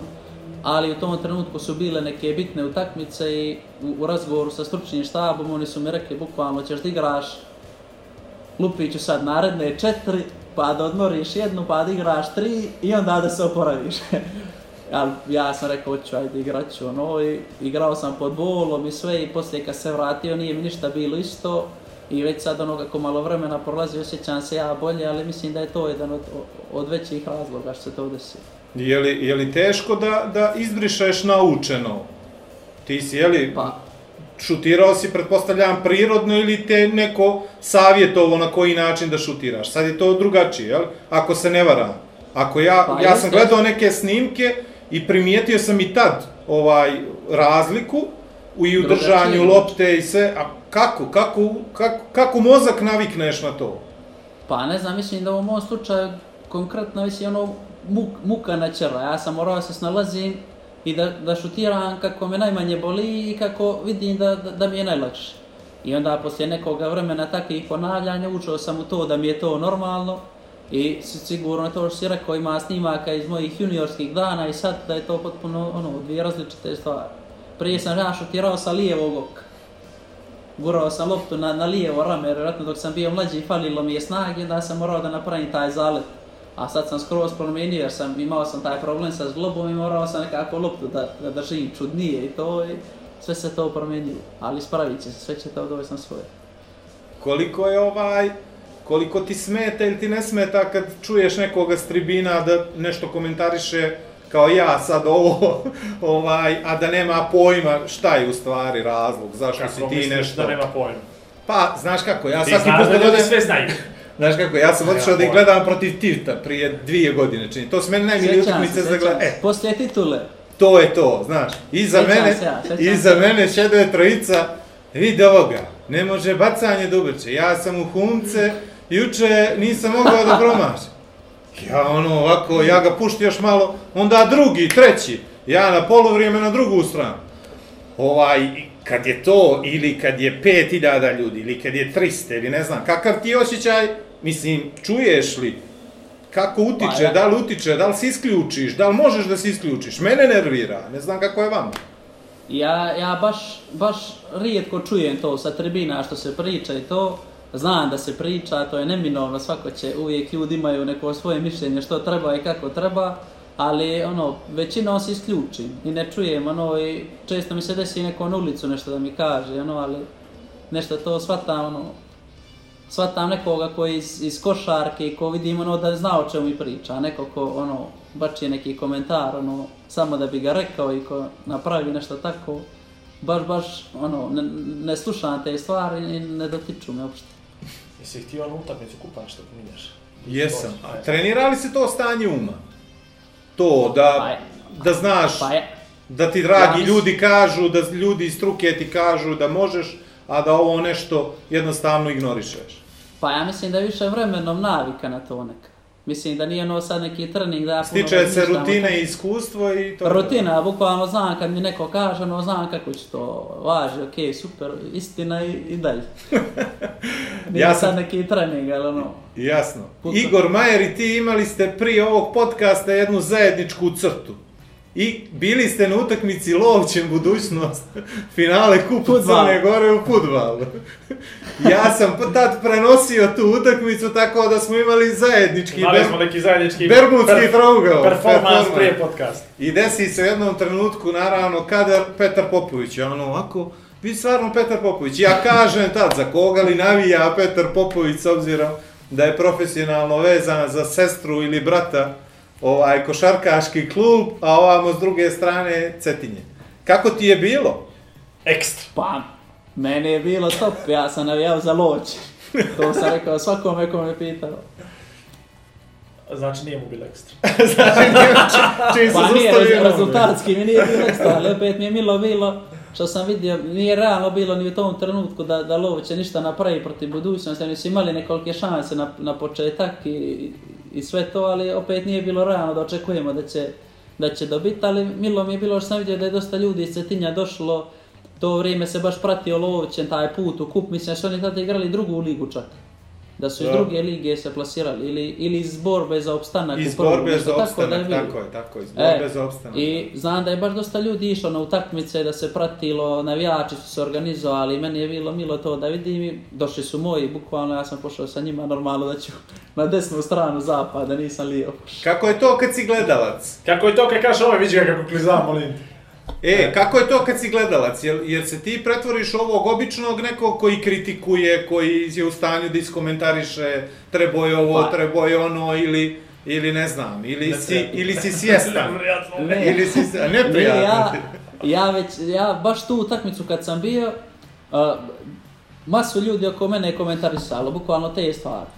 Viđe ovoga kako ispucava, skoči brže, gurni ga, uklizaj, sve to, a ja sam bukvalno u fazonu bio ono odbrambeno nekom, kao pušti čovjeka nek igra, kao ono, on zna najbolje, on igra, oni su došli do finala i pušti ih. Ali vjerovatno je to sve ovo što znam kako meni komentarišu i nama, i onda ono ne želim sad da se pretvorim u nekoga da ja budem tu, mislim, futbal ne razumijem, vrlo malo ga razumijem i da baš ne znam sad koliko sam ja vjerodostojan da nekome kažem to napravi, to ispravno, utrči lijevo, utrči desno, ne znam, izbjegni zamku, lijevo.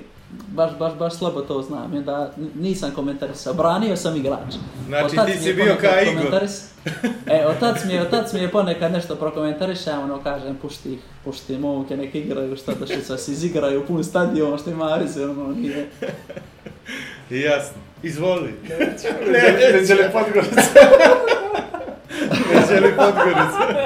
Nemo, pa to moje, mene, jače od mene. Evo. Vidi ovo, to je treća. isto sa mnom, vidi. Mene Treća, zovu. treća, e. Ima treća već, slušaj, mene zovu. Inače, imaš, imaš za to, ni, nisam ja, ja mogu sam na tebe, a, a nema pravo, jel, ništa da ti pričam, i, i gori sam od tebe.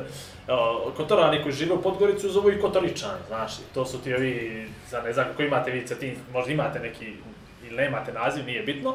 I ti Kotoričana se na Kotoričalo podosta, znaš, u Podgoricu. Dosta, je. I dosta. I ja neđe rekao, ajmo mi pravimo NVO udruženje Kotorana u Podgorici, imali bi, znaš, ono, da je budžetska sredstva i tako dalje, tako dalje, festival, karnevali i to. I ono, Gdje bila šala! stari. Bila šala, ali više nije šala, znaš, sad je to... Krenulo, evo. Krenulo, ovaj, od zbilje. Neću, neću. Krenuli je su bilo- prvo sa mažoretkinja. E, ovo je I bilo. bokeška noć, s vremena na vrijeme ispaljuju vatrove, znaš. Bokeška noć u Bokešku. ovaj, tako da, da, neć, neć, neć, šalim, sve, sve je to okej, to je normalno. To, vidi, to su ti, e, to su ti, kako, su, kako, kako bi to moglo da nazovem, oni kompleksi male sredine, znaš, koji ja imam kao došli iz kultura, znaš, i onda sad ja pokušavam, kao ja iz kultura, njega sad tinja, a realno je, on patim od toga. Kapiraš, nismo staro Slušaj, podgoričani, znaš kako je meni- ljudi nas gaze stalno, znaš, ono, umanjuju našu Ovaj, zastavu. Ja onda ne se- priznajem taj lokal patriotizam, ja stalno vučem to, tata mi je rođen na Cetinju, ja u Nikšiću, čerka u Podgorici, a meni jedan cetinjanin porodični prijatelj, ja se inače prebačim na taj cetinski kad imam s nekim, ne znam šta mi je danas, ovaj, valjda profesionalna deformacija, pa neću, ali cetinjanin mi je jedan rekao ovako, ova priča da smo mi duhoviti, to, to ne, to ne pije vodu, nema šanse. Ima nas šest duhovitih i ode u šest kafana i tamo ti se sprdamo s narodom, e onda se taj narod ode pa se sprda s onim svojima kući. I veli za po ure čitava Crna Gora priča kako su cetinjani duhoviti. Nije, samo naš šest. Šest. Tako da ti je to to što se tiče Cetinjana i lokal patriotizma. Svuda si bio, neđe igrao košarke na čudnim mjestima. To sam pitao i Johnny-a. Gdje je onako grdno, gdje se osjećaš, ne znam, gdje ti nije, sad si pomenuo tu dvoranu, jeli, mira i prijateljstva je Olimpijakos, je li tako? Yes, yes. Ovaj, gdje, gdje ti je bilo lijepo, a gdje ti je bilo onako neuslovno. Pa mislim da, da Grčka kao liga ima mo- možda i najružnije sale ikad. Bili smo na dva, tri mjesta tipa na Rodos, na Krit, te sale, to ja mislim da niđe na svijet ne postoji. Bukvalno ono... Propada parket, je ono, kao srednja škola i to? Ne, e, srednja škola, mal teren, koševi tvrdi, ono, bukvalno kao svojih igrališta po Podgorici i po Cetinju, gdje ih ono zavare i ne, da ne može da se izvali obruč. E, bukvalno tako izgledaju. I tu je, ne- možeš da daš koš, ljudi viču, neđe su iznad tebe, tribine, visoko, ono, kao balkoni neki.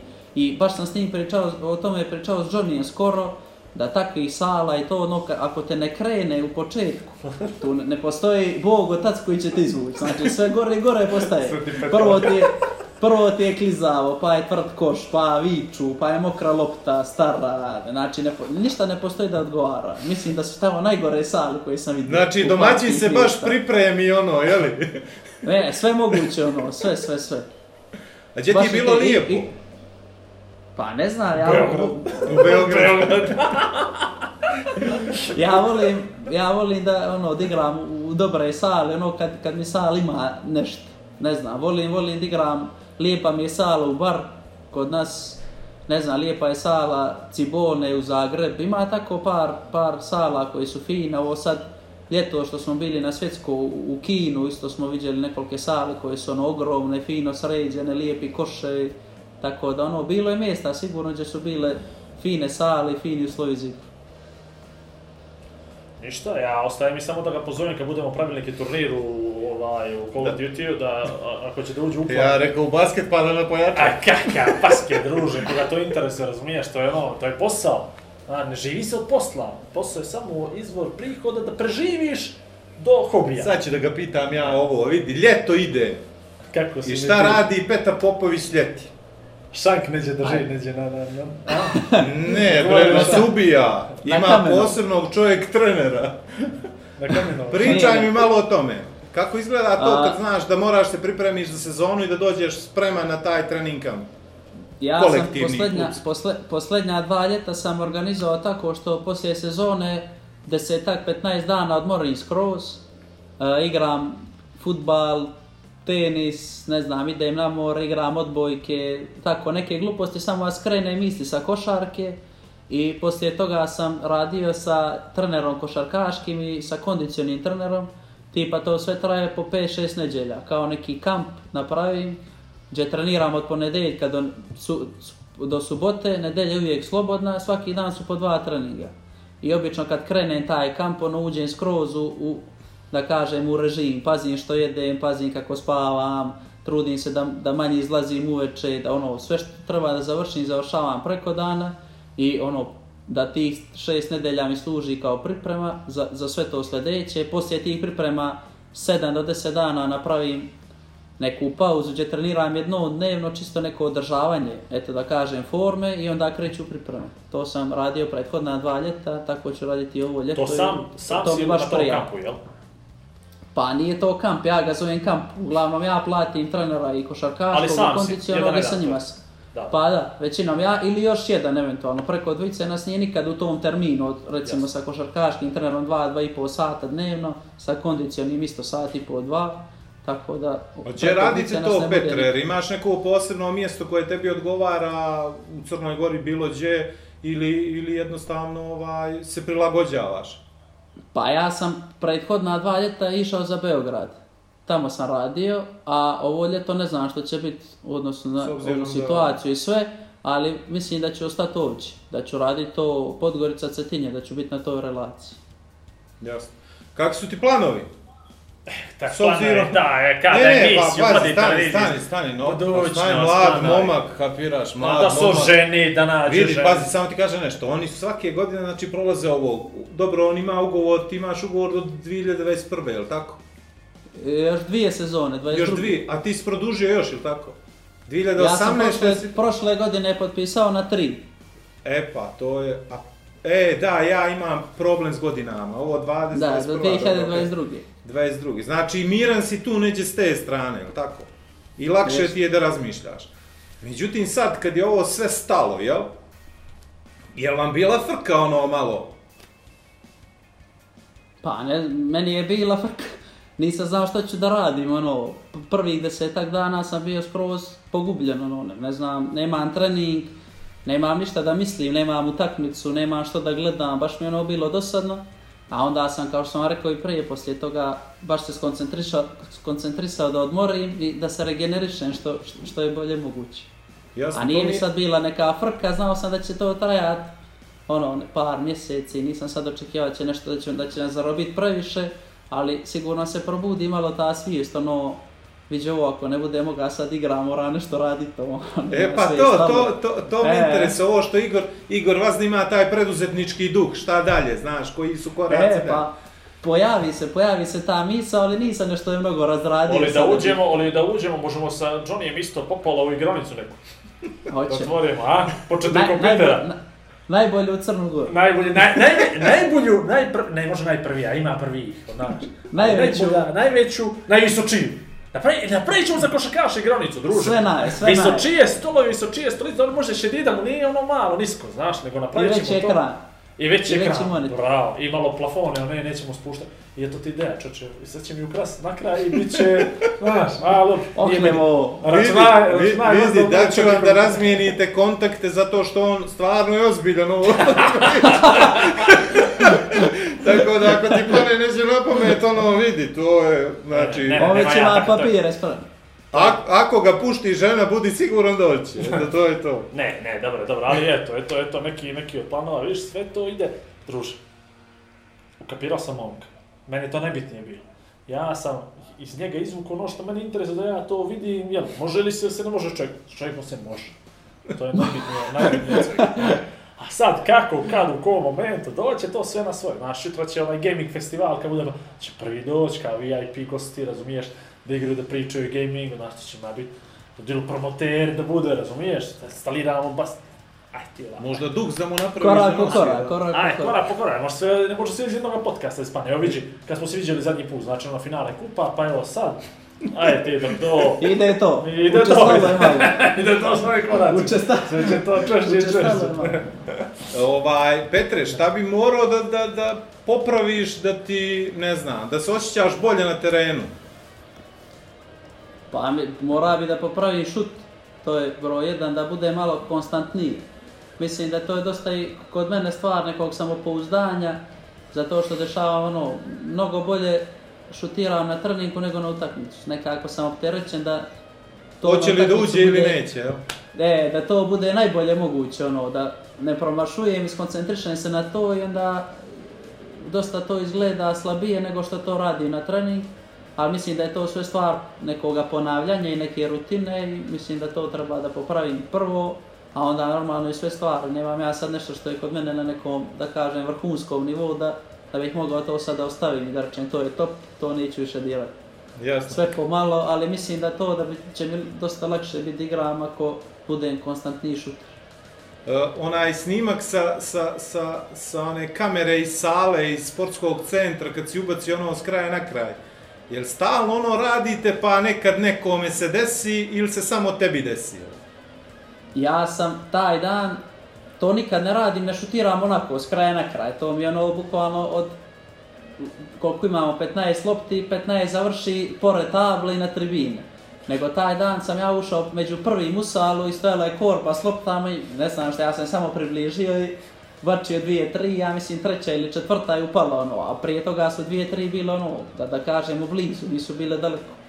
A sad poslije toga, ono, dešava se, stalno nešto pokušavamo, šutiramo s centra, šutiramo iz nekih pozicija sa klupe, iz tribina, i ono, dešava se. Sad u zadnje vrijeme Aleksa Ilić je zadužen za to. on Aleks sad ima... pokušava, on uvati rukom loptu ovako i kao rukom s kraja na kraj šutira. Žali Bože one ruke, ja mislim da njega treba puštiti s 9 metara lagano da šutira da bi mu bolje išlo nego sa ove linije obične za tricu. To je neka moja teorija, možda nisam upravo. Eto tako. Dobro. Hvala ti, Petre. Vidi, čekaj, stani pa ovako. Šta je Ide bilo? krađe, se Pa onako Ne noći zapaljuje. ovo vrijeme ti mene nešto E, a možeš kurkaš. ti za- odjaviš Što me čeka. gurkaš? Pa To što puštiš čeka, znači sad ide onaj moment emisije, Dobro. kad se ti nama zapaljuješ kako ti je bilo vrhunski, da smo opušteni, potpuno drugačiji od svih, kako, kako, god te, kako ti treba, ti ja zovi, bla, bla, slušaš naš podcast redovno i to sve ono, kao spontano ti nas E, ispališ. bravo, to nisam pa... Je li istina, stvarno, sad, je li kurtoazija bila, kad si mi rekao preko telefona, slušam ja vas? Jel ti to zato što Nije, si nije. fino vaspitan ili... I što nas slušaš koji đavo? Nije, nego mislim da ja imam tebe na, na Facebook kao prijatelja. Yes. I mislim da čim ste napravili stranicu i to, da mi ono vjerojatno random si poslao svima i stigao mi invite da lajkujem. I ono, vidio sam o čemu se radi, lajkovao sam i ono, gledao sam, nisam gledao svaku emisiju, ali sam pogledao sigurno desetak čitavi. I od onih prvih i onih drugih u, u kolima što ste snimali i to. Jesi stvarno rekao da je hit u kola bilo? Mogu da nam da jedno. Čitavo vrijeme mu govorim i u kola to treba da snimamo i zdravo E, dođe. I šedemo nekoga na zadnji sit i zdravo dođe. E, nije, nije, nije fraza. Stvarno sam gledao par zato što baš ovaj format ono volim i gledam baš dosta podcastova ono i po YouTube-u i sve što ima, zanimljivo mi je to. Baš mi je zanimljivo.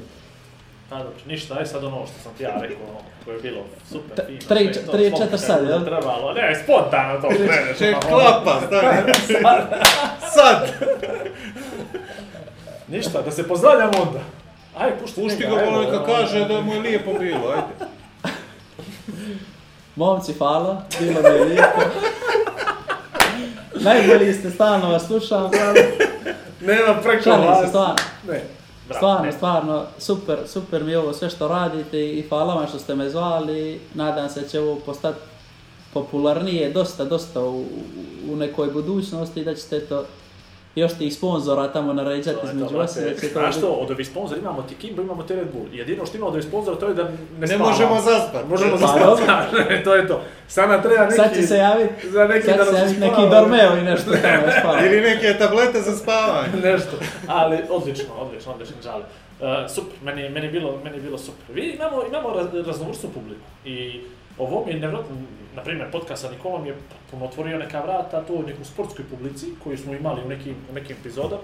Mislim da će se oduševiti ovaj, sa ovako nečim. Ja iskreno da budem vlade više za taj sport i, i, ovaj, i rekreaciju. rekreaciju. Ja sam više za život i naciju. Tako da možemo ovo da balansiram oko Živo je, moja pitanja su potpuno ono, kretenasta, razumiješ? Nije najbolje svega. pitanje ti je ono bilo. A dobro, jesam si ga odmah prekinuo, zafalio si mi se, izgubili smo Pa, se, čovjek je je to. zaboravio što ga pitao. Ali, Izgubilo ali, je malo A ritma. izgubilo je na značaju, znaš, ono pitanje, to sve ovo poslije kaže. Uglavnom, možemo ovako ovo sa sportisti, ali normalnim sportistima. Ovakve mi nađi. Ne Gdje mora četvoro ih ima normalno. Ne, pa dobro, evo, vidi, evo, dvojica su iz budućnosti, čovječe, to je To, su, to je to, zatvorili smo klub. Ali pošto, ali zna, ali futbaleri, smijemo li tamo načinjati?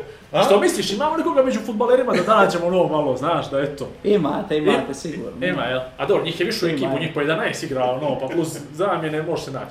Možda neko fizioterapeut. Ajde da ga puštamo, bolan ide pa ćemo mi E. nastaviti. Ajde. Pa je to ne to. Dobro, ništa. Petre, hvala. Petre. Hvala, momci. Hvala vam na pozivu. Nećemo iskoristiti Vidimo ovo se, ništa, družimo se.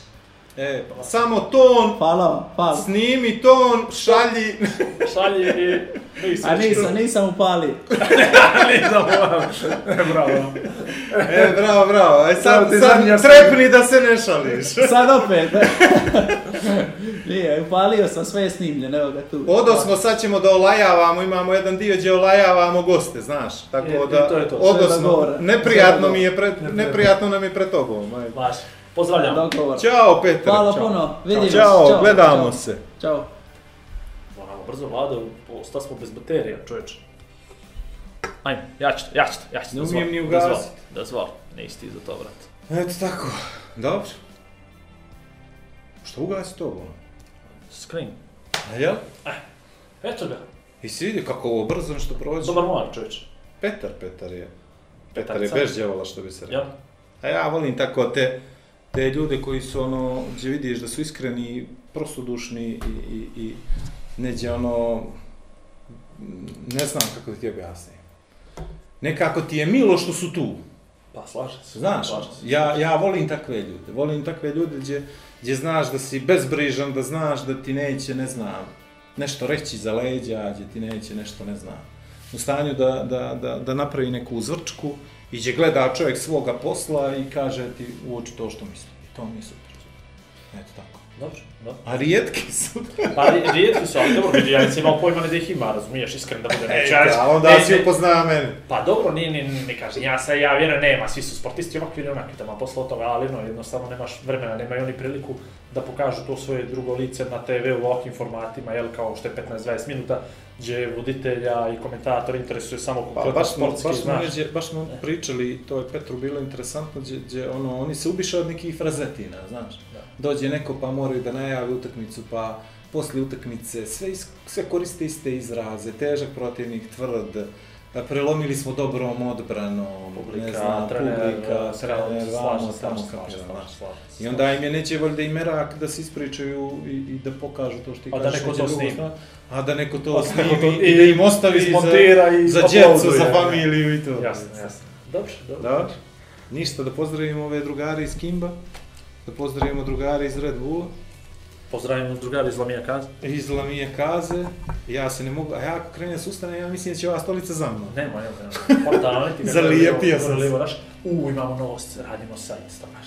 E, da, Kako će sajt da bude sajt, Kukuriku u studio i, i, i braća Šeter naprave sajt. Ali Bruk, već, već nisu ni počeli, a već znali da bude vrhunski. Uh, jako nam je bitno uh, da se vratimo na početak, komentari su sjajni, skoro svi, E, ja Baš da vam- odgovorim jedno. baš vam Čekaj, hvala. ima jedan komentar. hvala u moje ime, a ne baš u Igorovo. Ajde.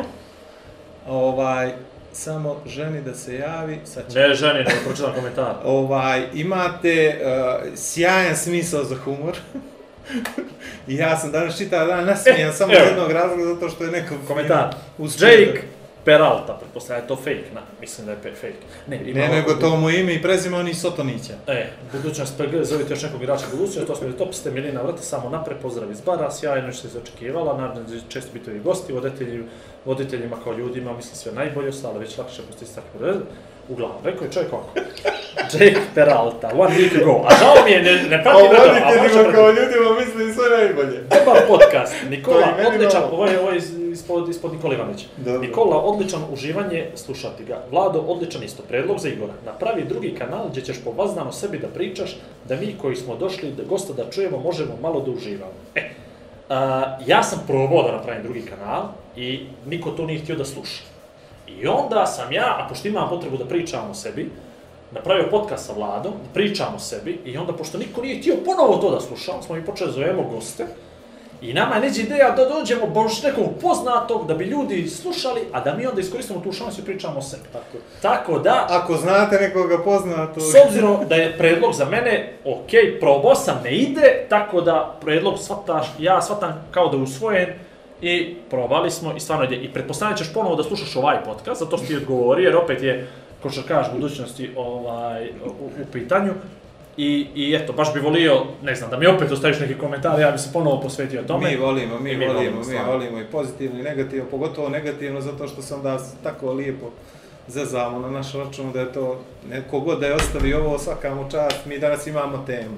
Iz, nema ništa ljepše, jel? Šta, znači, cijeli Znači, dan ni politika, ni ništa, religija, ni ništa, Ništa. nema dnevna politika, ništa nas ne interesuje, Ovaj samo ga ja gazim. Tako da vi imate razloga da gazite i mene, pa će on mene, i to je to, to, to je život, sataš, ja, tebe, ti, mene, prođe. Izluđit će braće Šeter, odnosno Aleksandar kad bude montirao zato da gasimo. Like, share, subscribe, Ako vam se sviđa. ako vam se sviđa, Ako vam se sviđa, ne morate. eto, to je to. Hvala, hvala svim gostima do sada zato što su uticali da ovaj podcast dobije neki smisao malo veći nego što smo ga imali ranije, tako da ćemo ih ukinuti i da se vratimo na ovaj self-promotion sljedeće godine. Aj prijatno. aj. Star, sam, tradicionalni crnogorski pozdrav, Aj aj prijatno. Dva čovjeka, dvije vizije, zajednička misija.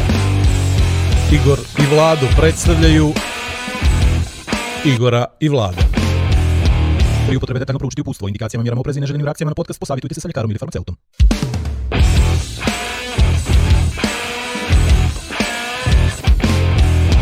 A da vi rečem...